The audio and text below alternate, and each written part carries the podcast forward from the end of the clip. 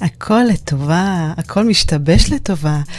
אז באמת ככה, ביטוי כזה שנשמע כל כך יפה ואופטימי, ומאוד קל להגיד הכל לטובה, הכל לטובה, על כל דבר שקורה לנו, אבל מה קורה אם פתאום קורה משהו מטלטל? פתאום קורה משהו שלא ממש נעים לנו, ובאותו רגע אנחנו לא תמיד מצליחים להכניס ולראות את האור הזה של הכל טובה בתקופה כזאת שיש חושך.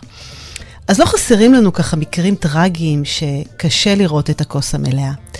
אבל רגע, לפני חנוכה, חג האור הגדול, אז מה יכול בכל זאת, בכל זאת, להאיר את הרגעים החשוכים שלנו בחיים? והאם באמת הכל משתבש לטובה? ואם אני הולכת ככה אחורה, אז הביטוי הזה הוא באמת uh, המקור שלו באמונה, ביהדות, וזה אומר שגם אם אנחנו חווים דברים קשים, וגם אם יש לנו ככה איזה סבל, המטרה בסופו של דבר זה לטובה. אז כן, צריך לפתח פה איזו ראייה רחבה, ויש דברים שאנחנו אפילו באותו רגע לא נוכל להבין. הרי כמה פעמים שמעתם אנשים שפתאום ברגע של משבר, ברגע ככה של חושך, פתאום אומרים לכם, רגע, הכל לטובה, אבל באותו רגע הכל שחור, איך אתם בכלל יכולים לראות את הדברים האלה? אז באותו רגע אנחנו באמת לא, לא מצליחים לפתח את הראייה הרחבה הזאתי, אבל יש דברים באמת שלא נוכל להבין עכשיו. והמקור של האמרה, הכל לטובה, זה בנחום, איש גמזו, שהיה נוהג לומר על כל דבר מצער שקרה לו, גם זו לטובה.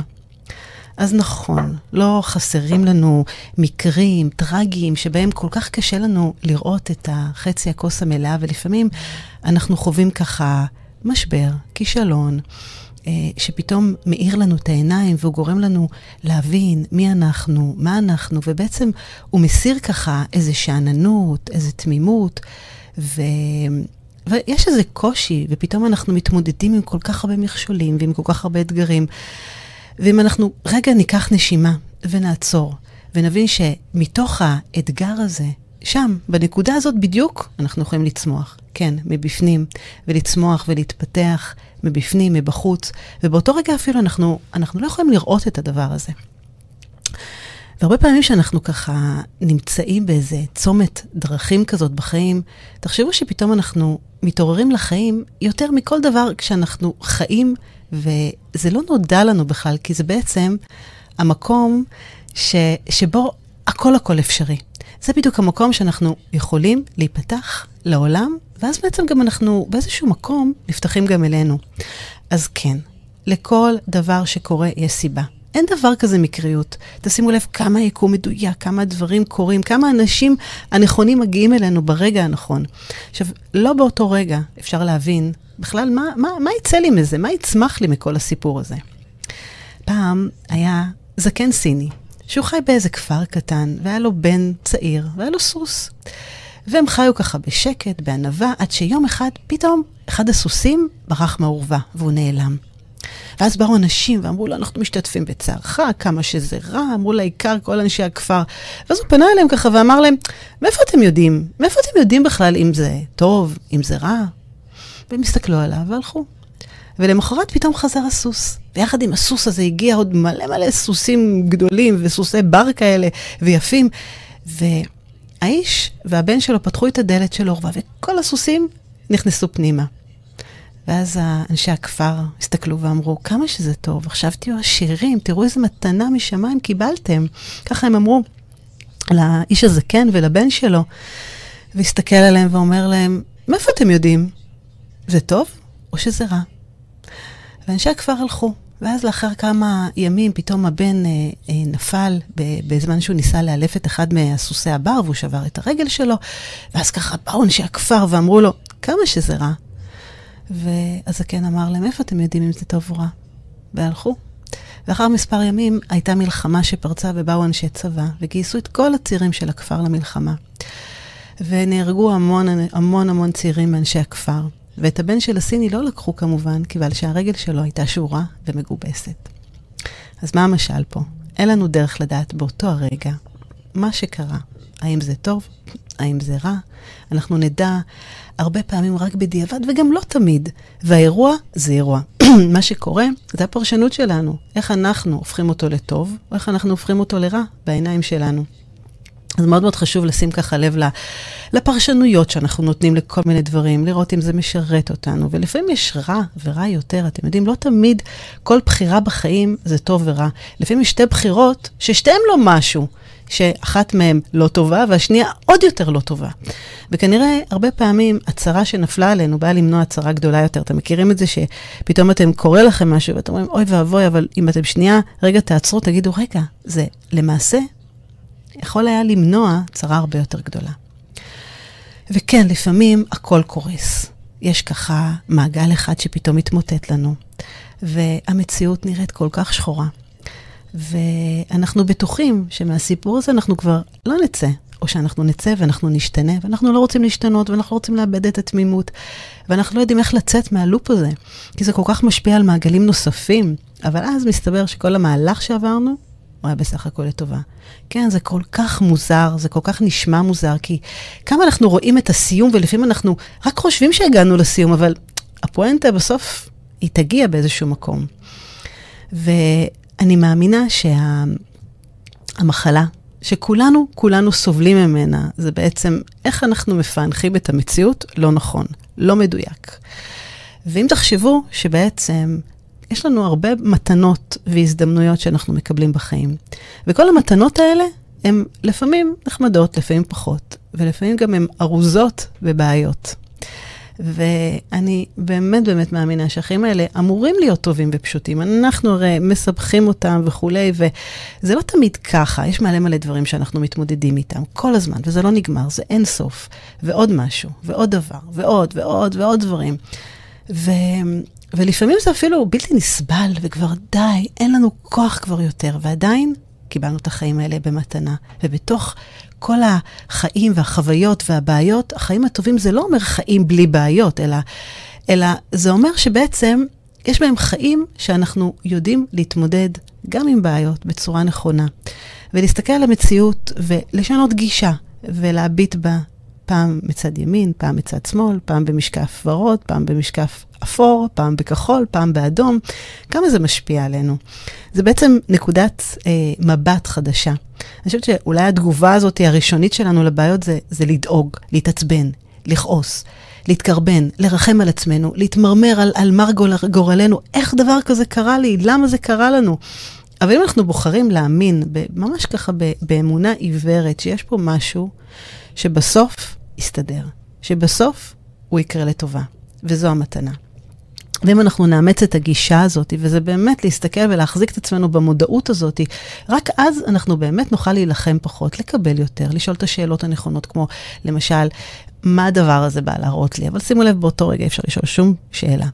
Uh, מה באמת מפריע לי בחיים שלי? מה אני יכול לעשות אחרת? Uh, מי, מי, מי האדם החדש שאני אוולד מכל הדבר הזה? עכשיו, לא תמיד יהיו לנו תשובות, אבל אין שם. ואם אנחנו נחפש במקומות הנכונים, אתם תראו שזה יגיע אלינו. אז חנוכה, חנוכה, חג האורות, כמה דוגמה של חג כזה של מלא מלא ניסים, ומה זה בכלל נס אם לא חושך שהפך לאור, משהו שהשתבש והפך לטובה. ותראו כמה אור וכמה חושך יש בחג הזה. וחג החנוכה, הוא מציין את הניצחון של החשמונאים במרד נגד היוונים, ואת חנוכת בית המקדש, וכמובן את נס פח השמן. איך פח קטן כזה היה אמור להספיק להדלקת המנורה למשך יום אחד, ולמעשה הוא בעצם הספיק לשמונה ימים. ואיך הכל פתאום uh, בהתחלה נראה שחור וחשוך, ובכל זאת, תראו איך הדברים הסתדרו לטובה, השתבשו לטובה. ופה צריך להקשיב, להקשיב גם, uh, אם אנחנו מדברים על חנוכה, להקשיב למה שהנרות מספרים לנו. יש משפט uh, uh, חסידי מפורסם שאומר שצריך להקשיב למה שהנרות אומרים, ותשימו לב שהנרות מדליקים דווקא כשהחושך יורד. זאת אומרת, אנחנו לא נרתעים מהחושך, אנחנו לא מפחדים מהחושך, להפך. אנחנו יודעים שיש תקופות כאלה, אנחנו יודעים שהוא קיים, הרי כל יום קיים החושך הזה, ודווקא אז אנחנו מתאמצים ומאירים, והנרות נדלקים לא רק פנימה, הרי נהוג לה, להדליק אותם גם ברחובות, להניח אותם על עדן החלון, זאת אומרת שבאמת, להפיץ את האור גם החוצה. ושימו לב, לא משנה כמה עשיתם אתמול, היום תתקדמו עוד קצת. והנרות האלה תמיד תמיד במקום קבוע, לא מזיזים אותם, כי האור הזה, הערכים, אלה בעצם העוגנים שלנו. זה יכול להיות בתור אנשים שמאירים בעין אותנו. זה יכול להיות באמת כל מיני תובנות חדשות שאנחנו פוגשים, כל מיני התפתחות חדשה שאנחנו עוברים. ובחג הזה אנחנו מכניסים את האור הביתה. גם בחיים, גם בפנימיות, גם בחוץ, גם בכל מעגל שיש לנו, וזה מאיר ומאיר באלף ובעין.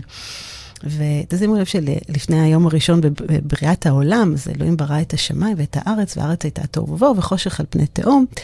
והכוונה בעצם, זה לא אומר שהחושר, שהחושך נברא, פשוט הוא היה שם, לא היה אור. החושך הוא, הוא בעצם היעדר אור. וכשאלוהים אמר ויהי אור, אז באמת פתאום נדלק האור. ו... והשמות האלה, זה בעצם חלק מהחיים שלהם, שלנו, כי לאור ולחושך התווספו כל מיני פירושים, שחושך תמיד נתפס כמשהו שלילי ואור כחיובי, אבל, אבל בעצם זה כמו שיש לנו יד ימין ויד שמאל, ואנחנו חווים את כל קשת הרגשות. ובחנוכה, תשימו לב כמה אנחנו כל יום מוסיפים עוד אור, ובכל יום נוסף נר לחנוכיה, וזה מזכיר לנו את המשמעות הזאת של האור, כי איך ההתגברות של האור זה כאילו ההתגברות הזאת של הטוב.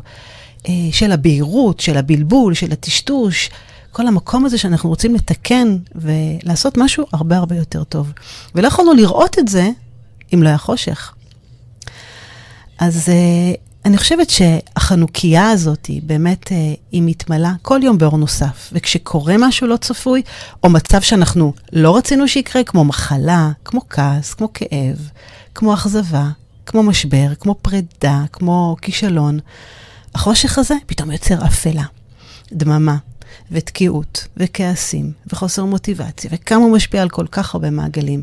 והרגשות האלה שאנחנו חווים, הם הרבה פעמים רגשות כאלה מעכבים שלא תמיד מאפשרים לנו לראות מעבר. מין כזה מסך שחור כזה שפתאום מטשטש לנו את הראייה ולא מאפשר לנו.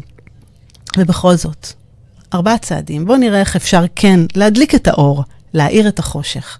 אז קודם כל, אל תיבהלו מהחושך. אל תכחישו אותו. תסכימו לראות אותו. כן, תפתחו את העיניים ותראו את החושך. בחושך הזה, זה בעצם כל הרגשות שמעכבים אותנו, הרגשות שצפים, אם זה באמת אכזבה ואשמה ופגיעות וכעס. וכל ההכחות האלה למצב החשוך, רק אם אנחנו ניתן להם מקום, נקרא להם בשם, לא נילחם בהם ונזכור שהם זמניים, הם ייעלמו, כי כל דבר בסוף עובר. תאירו אותו באמצעות הכד של השמן, את החושך הזה, תתאמצו, תאירו בפנס, ממש קחו פנס ותאירו את החושך. תחפשו דבר אחד קטן ונחמד שקרה, שבעזרתו אנחנו כן יכולים להאיר ולהאיר את חיינו. אמ, כל אחד שעובר תקופות קשות, אז תזכרו שבסוף כל יום, אפשר ככה לשאול את עצמנו, דבר אחד קטן שקרה לי טוב היום. וזה משהו שאישה יקרה לי, הזכירה לי בתקופה ככה די מטלטלת וקשה, שכל יום אמרה לי, רגע, עם כל הבלגן, דבר אחד טוב שקרה פה היום. אז תזכרו, אין, אין דבר כזה שחור ולבן, יש המון המון צבעים שעוטפים את העולם הזה, ותציירו, תביטו על כל, על כל הגוונים האלה. אה, תפקחו את העיניים, תראו באיזה צבע אתם בוחרים. וכמובן, הסליחה והחמלה, כמה היא מאפשרת לנו לנשום, להכיל, לקבל, אבל הסליחה לעצמי קודם כל, והחמלה העצמית. ולשחרר כל מיני, את uh, זרימת החיים הזאת, בכל מיני קיצוניות שאנחנו נמצאים בהם. ואני חושבת שיותר מזה, זה המקום הזה שאנחנו, די, מספיק. די להתווכח עם המציאות הזאת, ולגלות שם את הטוב, שבהם, עם כל החושך והקושי הזה, תתרכזו רק במה שיש. ותודו על זה, תוקירו תודה, תעריכו, תסתכלו על הדברים, תרגישו אותם, כי ברגע שאנחנו נכיל את החושך ואנחנו נהנה מהאור, אני חושבת שאנחנו נוכל לטבל אותם ביחד. וכל ערב, כשאנחנו מסתכלים על הנרות, תבחרו לחפש כת קטן של טוב בתוך החושך הזה. תאמינו שמתוך כל החשיכה, אם מישהו נמצא בתקופה כזאת מטלטלת, אפשר להתרחש, יכול להתרחש אה, מין אה, מהפכה כזאת של טוב.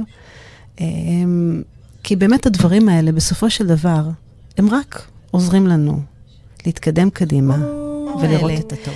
והרבה פעמים כשאנחנו נמצאים ככה בחושך הזה, אז אנחנו מרגישים את האגו וכעס וגאווה וקנאה והתחשבנות וכמה המידות האלה כל כך לא טובות, שזה אומר שאנחנו בעצם לא סומכים אנחנו לא מקבלים את הדברים, את מה שיש באהבה. אנחנו לא מבינים את המשפט הזה שלכל דבר שקורה סיבה, ולכל דבר יש את הזמן המתאים והמדויק, ושום דבר לא בשליטה שלנו.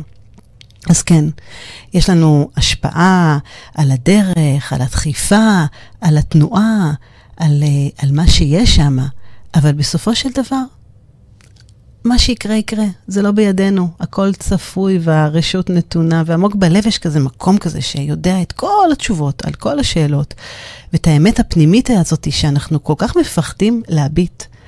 ואני חושבת שלפעמים גם אנחנו מאבדים את הקשר עם, בגלל כל מיני רעשים, רעשי רקע והשפעות, ויש כזה איזו מחשבה כזאת שאני חושבת שכולנו צריכים להשתחרר מההתמכרות הזאת שאנחנו חווים, של הידיעה הזאת מראש, איך אמורים להתגלגל לחיינו.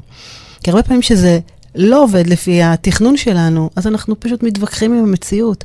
ולהגיד דבר כזה שאנחנו משחררים את ההתמכרות של השליטה, זה אומר שאנחנו מוותרים על האמונה שאנחנו יודעים בעצם מה הכי טוב בשבילנו. וזה דורש הרבה אגו לשים בצד ולהבין שיכול להיות שמה שאנחנו חושבים שאנחנו צריכים כדי להיות מאושרים הוא בכלל לא, לא רלוונטי, אנחנו לא באמת צריכים את זה כי הכל נמצא כבר אצלנו.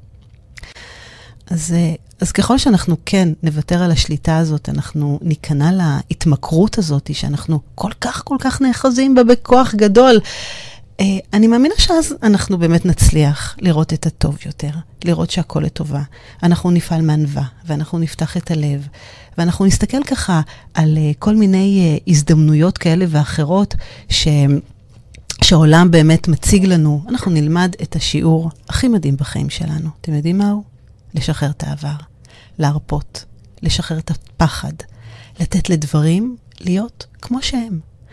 אז איך עושים את זה? אני חושבת שהשלב הראשון זה איפוק. כן, לא לעשות כל דבר שרוצים עכשיו ומיד. התחיית סיפוקים, מוכר לכם? איך אנחנו באמת, באותו רגע שלא קורה מה שאנחנו רוצים, אנחנו בכל זאת לא כועסים, לא מתעצבנים. אפילו שואלים אותה, את עצמנו, האם זה אכן הזמן המתאים לזה? וזה לא פשוט. זה הרבה עניין של תרגול ואימון ומודעות כזאת לעצור, לספור עד עשר, לנשום עד עשר לפני שבאמת הדברים האלה קורים. הדבר השני זה איזון. כל דבר שהוא קיצוני הוא בעייתי. עכשיו תחשבו כמה אנחנו לא משקיעים את כל הזמן רק בעיסוקים מסוג אחד, אנחנו בעצם מוזמין, מוצאים כל מיני זמנים לכל כך הרבה עיסוקים שונים. גם אם אנחנו מאוד מאוד רוצים לעשות משהו, יכול להיות שמחר נרצה לעשות את ההפך. אז כל דבר תנו לו את הזמן הנכון שלו. אל תפעלו באוטומט, במהירות, בתגובתיות הזאת. הדבר השלישי זה סבלנות. כמה קשה לנו לקחת סבלנות. זה לא להתייאש, כשאנחנו רואים באמת שהם, שאין צדק בעולם, אז, ודברים לא מסתדרים כמו שאנחנו היינו רוצים שהם יסתדרו, אז בכל זאת, תנו ליקום, לעולם, לעשות את שלו. תזרמו איתו, תסתכלו עליו. תבינו ש... מה שצריך לקרות יקרה בזמן הנכון. אל תצטערו, אל תצטערו על הדברים שבאמת כרגע לא עובדים לנו נכון.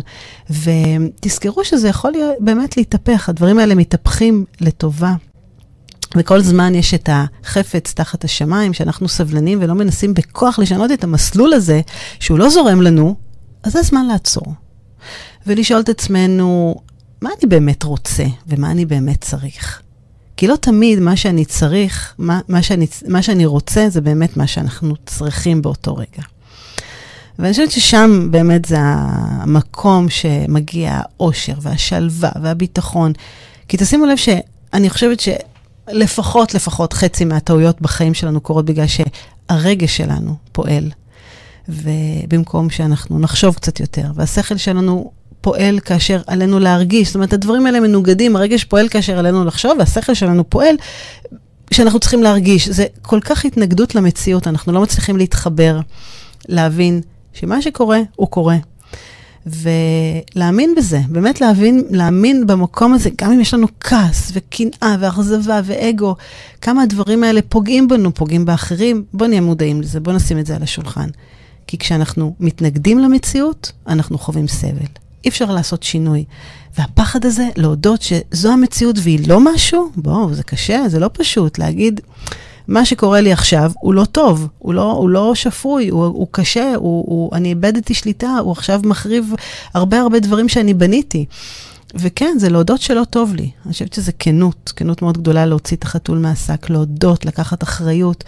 וההודעה הזאת היא, הרבה פעמים מאפשרת לנו לצאת מהכחשה. ולקחת אחריות, ובאמת להגיד בכנות מה מרגישים. עכשיו, כשאנחנו אומרים את הדברים האלה, אתם תראו איך פתאום, זה כמו בקבוק כזה שהוא כל כך מלא ומפוצץ, ופתאום הוא מתרוקן. פתאום יש דברים להכיל ולראות ולהבין ולהסתכל על דברים ככה קצת קצת אחרת. אה, ובמקום הזה, זה המקום שאנחנו בדיוק פוגשים את עצמנו, כשאנחנו לבד ושאנחנו לא לבד. עכשיו, אם אנחנו מדברים כבר על הקול לטובה, בואו נדבר רגע על הקול של קוף, הוויס שלנו. הרבה פעמים שדברים משתבשים לנו, איך הוויס שלנו פתאום נהפך לצרוד, יש בו חושך. עד שאנחנו נמצא את האור הזה בקצה המנהרה, זה כל כך באמת מאתגר אותנו להסתכל כל פעם מחדש על דבר. אז תראו, כשיש מציאות שמשנה לנו ככה משהו בחיים, אנחנו לפעמים אוהבים את זה, ואנחנו לפעמים גם לא ממש אוהבים את זה. והרבה פעמים לרבים מאיתנו יש ככה מערכת יחסים של uh, שנאה, של אהבה עם השינוי הזה. וכשהחיים נפלאים, כמה אנחנו רוצים שזה יישאר לנצח, וכמה אנחנו רוצים שזה יהיה אותו דבר, וששום דבר לא ישתנה. למה? כי אנחנו מפחדים, אנחנו מפחדים לאבד את כל הטוב הזה שיש לנו. ושהחיים לא משהו, אז דווקא שם אנחנו מתפללים לשינוי, אנחנו רוצים את השינוי הזה. וכמה מחשבות ככה פתאום עולות לנו כזה בראש, מה, שום דבר לא השתנה, ודברים לא יהיו ככה כמו שהם, ו... ובאמת זה תמיד יישאר ככה לעד, וזה גורם לנו ככה להרבה ייאוש ולהרבה בלבול, ולחשוב שבאמת באותו רגע הכל לטובה, זה לא כזה באמת אה, נראה לנו מציאותי באותו רגע. יש פילוסוף יווני של, אה, שנקרא ארקליטוס, שהוא אמר פעם לפני 500 שנה בערך, הוא אמר ששינוי זה הדבר היחיד הקבוע בחיים. זאת אומרת, הדבר היחיד שאפשר לסמוך עליו זה השינוי, זה הדבר היחיד שנשאר קבוע. ובחיים שום דבר הרי לא נשאר אותו דבר, הכל הכל הרי נלקח מאיתנו, כל דבר הוא, הוא זמני.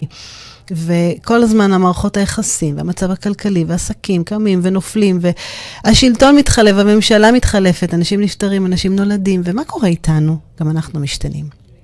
אם זה בתפיסות שלנו, אם זה בדעות שלנו, אם זה באמת בסגנון החיים, במצב הבריאותי, במראה שלנו, בערכים שלנו, בסטטוס שלנו. וכל תחושת יציבות כזאת, היא, היא בעצם משנה את המציאות, היא מפרקת, היא משתנה, ו, וכמה חשוב להכיר בדבר הזה, במקום הזה, ולקבל אותו באהבה. ו... כי זה הזרימה, זה הזרימה של החיים, וככה זה הדברים האלה צריכים להיות. ובכל זאת, כשקורה משהו שלא עושה לנו טוב, אז אני מציעה לכם לשאול את עצמכם, האם באמת יש לכם שליטה בחיים האלה? האם יש לכם 100% בעלות על משהו או על מישהו בחיים האלה? אז זהו שלא. אז בואו נשחרר את השליטה הזאת. כי באמת, הכל בסוף משתבש לטובה, גם אם אנחנו לא רואים את זה באותו רגע. גם אם אנחנו פוטרנו מהעבודה, וגם אם אנחנו איבדנו סכום כסף גדול, גם אם אנחנו חווינו אובדל, אובדן גדול, גם אם נפרדנו, התגרשנו, איבדנו חברות יקרה, ערכים השתנו. עברנו מקום מגורים, ועוד ועוד, כל מיני משברים, כל מיני דברים ככה מטלטלים, שיצרו חושך בחיים שלנו, באותו רגע הכל התמוטט, הכל שחור. וההבנה הזאת היא שהעולם הוא מדויק, וכל מה שקורה, זה מה שצריך לקרות. ולא רק אנחנו חיים פה, לא רק אנחנו חווים את המשבר, אין יותר ופחות, כל אחד בדרכו. אם תסתכלו על המילה כאב, הכף א', ב', זה כל אחד בדרכו. כל אחד יש לו באמת את המקום להתמודד בדרך שלו. ובכל זאת, מה אנחנו עושים כשמשהו משתבש בחיים? אז דבר ראשון, תאפשרו לכאב להיות שם. להיות שם. לא, אל תתנגדו לו, תזכרו את המשפט קץ, ש, ש, והיה קץ שתול על פלגי מים, אשר פריו ייתן בעיתו, ועלהו לא יבול, וכל אשר יעשה ויצליח. וזה משפט שאבא שלי, זיכרונו לברכה, אמר לי פעם שאני הייתי ילדה. אני לא הבנתי את המשמעות הזאת, אבל אני הרגשתי ש... שכדאי לזכור את, ה, את המשפט הזה ככה אה, לאורך הדלת, הדרך, וכמה פלגים רבים מזינים את שורשיי, את הפירות שלנו, כמה אנחנו באמת, אה, אנחנו עוברים בזמן, והעלים לא נובלים, או שכן נובלים, וצומחים חדשים, וכל דבר שאנחנו עושים, בסופו של דבר, מצליח לפה ולפה. כי הוא, גם אם הוא לא עמד במטרות שלנו, אנחנו למדנו ממנו כל כך הרבה. ולתת באמת לרגשות, לתת להם לעבור, להיות שם, ואני חושבת שאחד הכלים ככה, המדויקים, זה באמת מודל מצוין שנקרא מודל ריין, שכמו הגשם שהוא מגיע, הוא, הוא פשוט יחלוף, זה כמו גל. זה מה שקורה ברגשות שלנו. הרגשות האלה הם כמו גשם שיש בו סערה, בסופו של דבר הוא ייפסק, הוא, י, הוא יעצור. וזה מתחיל באמת בעוצמות גבוהות, זה יורד בעוצמות, ואם נשים לב לרגש הזה וניתן לו את המקום, אז הוא יחלוף. והדברים האלה באמת, הם, הם קיימים, זה חוק הטבע, זה לא משהו שאנחנו ממציאים. ובמודל הריין, תשימו לב, זה, זה על פי האותיות, R זה recognize, לתת שם למה שאנחנו מרגישים באותו רגע. אם עולה בי עכשיו כעס, אשמה, מרמור, אם אנחנו נמצאים בתקופה הזאת של החושך ואנחנו לא מצליחים לראות מעבר, ואיפה? תגידי לי עכשיו, מה זה הכל לטובה? קודם כל, תזהו מה אתם מרגישים. אקספט, לקבל, תקבלו את זה ללא שיפוטיות. אפילו אם אנחנו צודקים, אל תילחמו במציאות. אנחנו כועסים מבלי לדעת למה, תנו לרגש, לאורח הזה להיות שם עד שהוא ילך, תשאירו את הדלת פתוחה, הוא ילך בסוף. אינסטיגיישן, uh, זה החקירה, איך אנחנו באמת uh, מבינים מה קרה שם, איפה הוא הגיע, למה אנחנו מרגישים מה שאנחנו מרגישים. למה אנחנו כועסים, למה אנחנו מאוכזבים, למה אנחנו כל כך שופטים ומתקרבנים, מאיפה הדבר הזה הגיע? תעשו את החקירה העמוקה הזאת כדי להבין. ודבר אחרון, אל תזדהו עם זה. זה לא אומר שזה מי שאתם. העולם כל כך גדוש, החיים כל כך גדושים בכל כך הרבה דברים, במכלול של רגשות. אז תהיו שם עד שהדברים האלה יחלפו. וכן, זה, זה ככה מאתגר, כי זה מקום כזה שפתאום אנחנו פוגשים את עצמנו, ואנחנו מביטים במראה, ואנחנו מסתכלים. ויש דברים שאנחנו אוהבים יותר, ויש דברים שאנחנו אוהבים פחות. אבל זה מקום להתפתחות ולצמיחה ולגדילה. כי הביקורת הזאת הרבה פעמים חוסמת אותנו, היא תוקעת אותנו לגדול ולגדול. ואפשר להכניס גם למקום הזה באמת את, ה, את הסליחה ואת החמלה, ו, ולא להתנגד ככה לשינוי הזה. כי ברגע שאנחנו נכניס אותם, שם בעצם אנחנו נקבל את החיים בחזרה. ושם אנחנו נגדל, שם אנחנו נצמח. חז"ל אמרו שאין הקפדן מלמד ואין הביישן לומד. וכשאני מתבי... מביישת את עצמי, אני לא יכולה לראות איך לשפר או איך לתקן משהו בעצמי במודעות, בגמישות. בחמלה, בהבנה, בקבלה. ויש פה שיעור, יש פה הזדמנות גדולה, דווקא מהמקום השחור והחשוך, לגדול, לשבור מחסומים, לשבור אמונות, דפוסי התנהגות. וזו מתנה, תחשבו כמה זו מתנה שהגיעה בסרט, והגיע הזמן לפתוח אותה. ותזכירו לעצמכם ככה שהכל, הכל עובר, אחרי כל סערה מגיעה התבהרות. כן, זה מין קשת בענן, זה ככה חוק הטבע, אבל בשביל זה, כן, צריך לגייס פה סבלנות וחמלה וקבלה ואיפוק ו- ודחיית סיפוקים, ולקחת פה באמת הרבה דברים שלא תמיד פשוט ככה לעטוף אותם בסרטים הנכונים ולהזדהות איתם, ולקחת אותם למקומות שבאמת רק יועילו לנו בסופו של דבר,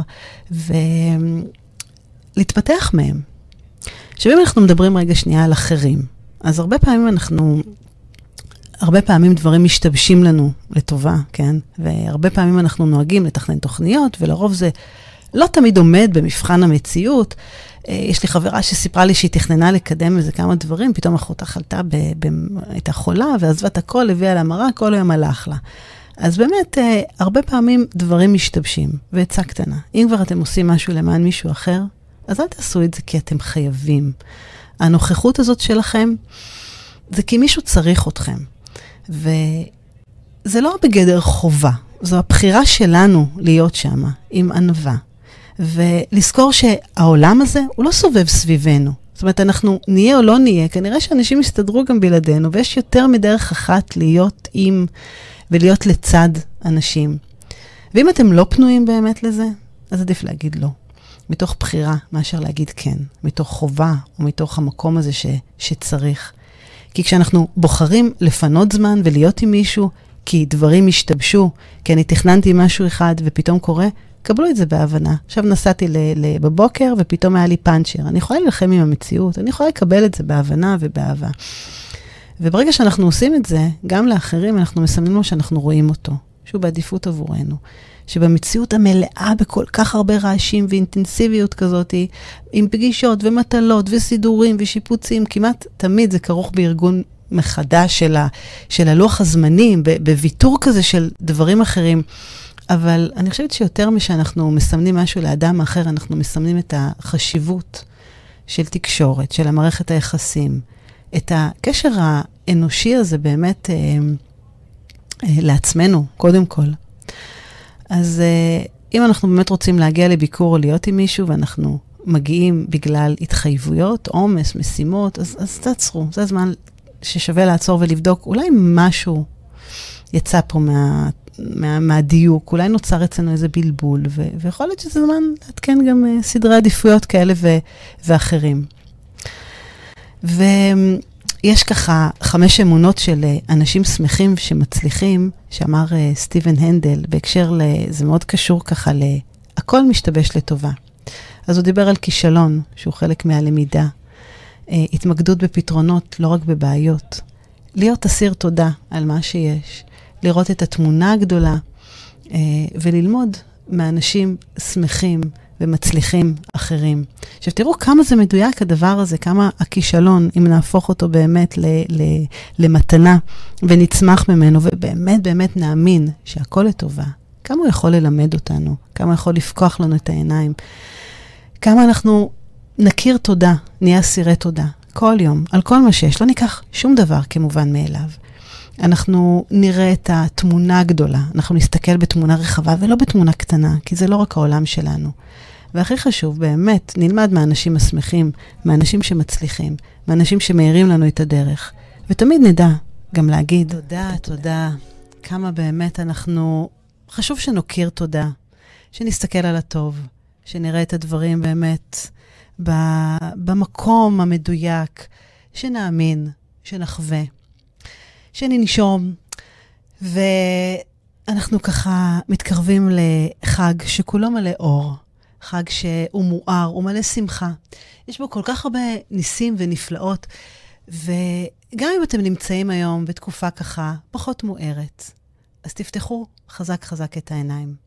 תפקחו ותפתחו ותביטו מסביב, תחפשו את הטוב, תראו את הטוב. יש הרבה מסביב, והטוב הזה הוא ממגנט, הוא מוסיף עוד ועוד. ובואו נכיר תודה, נעסוק בנתינה, תלמדו, תזרמו, תחוו, תנשמו. תאמינו שכל מה שקורה הוא לטובה. וגם הדברים שבאותו רגע נראים כל כך הרבה חשוכים, וכל כך הרבה אה, עם אה, מכשולים ועם בעיות שמורידות אותנו, בסופו של דבר הדברים האלה הם מסתדרים. אז אני רוצה לאחל לכם חג אורים שמח, חג חנוכה שמח.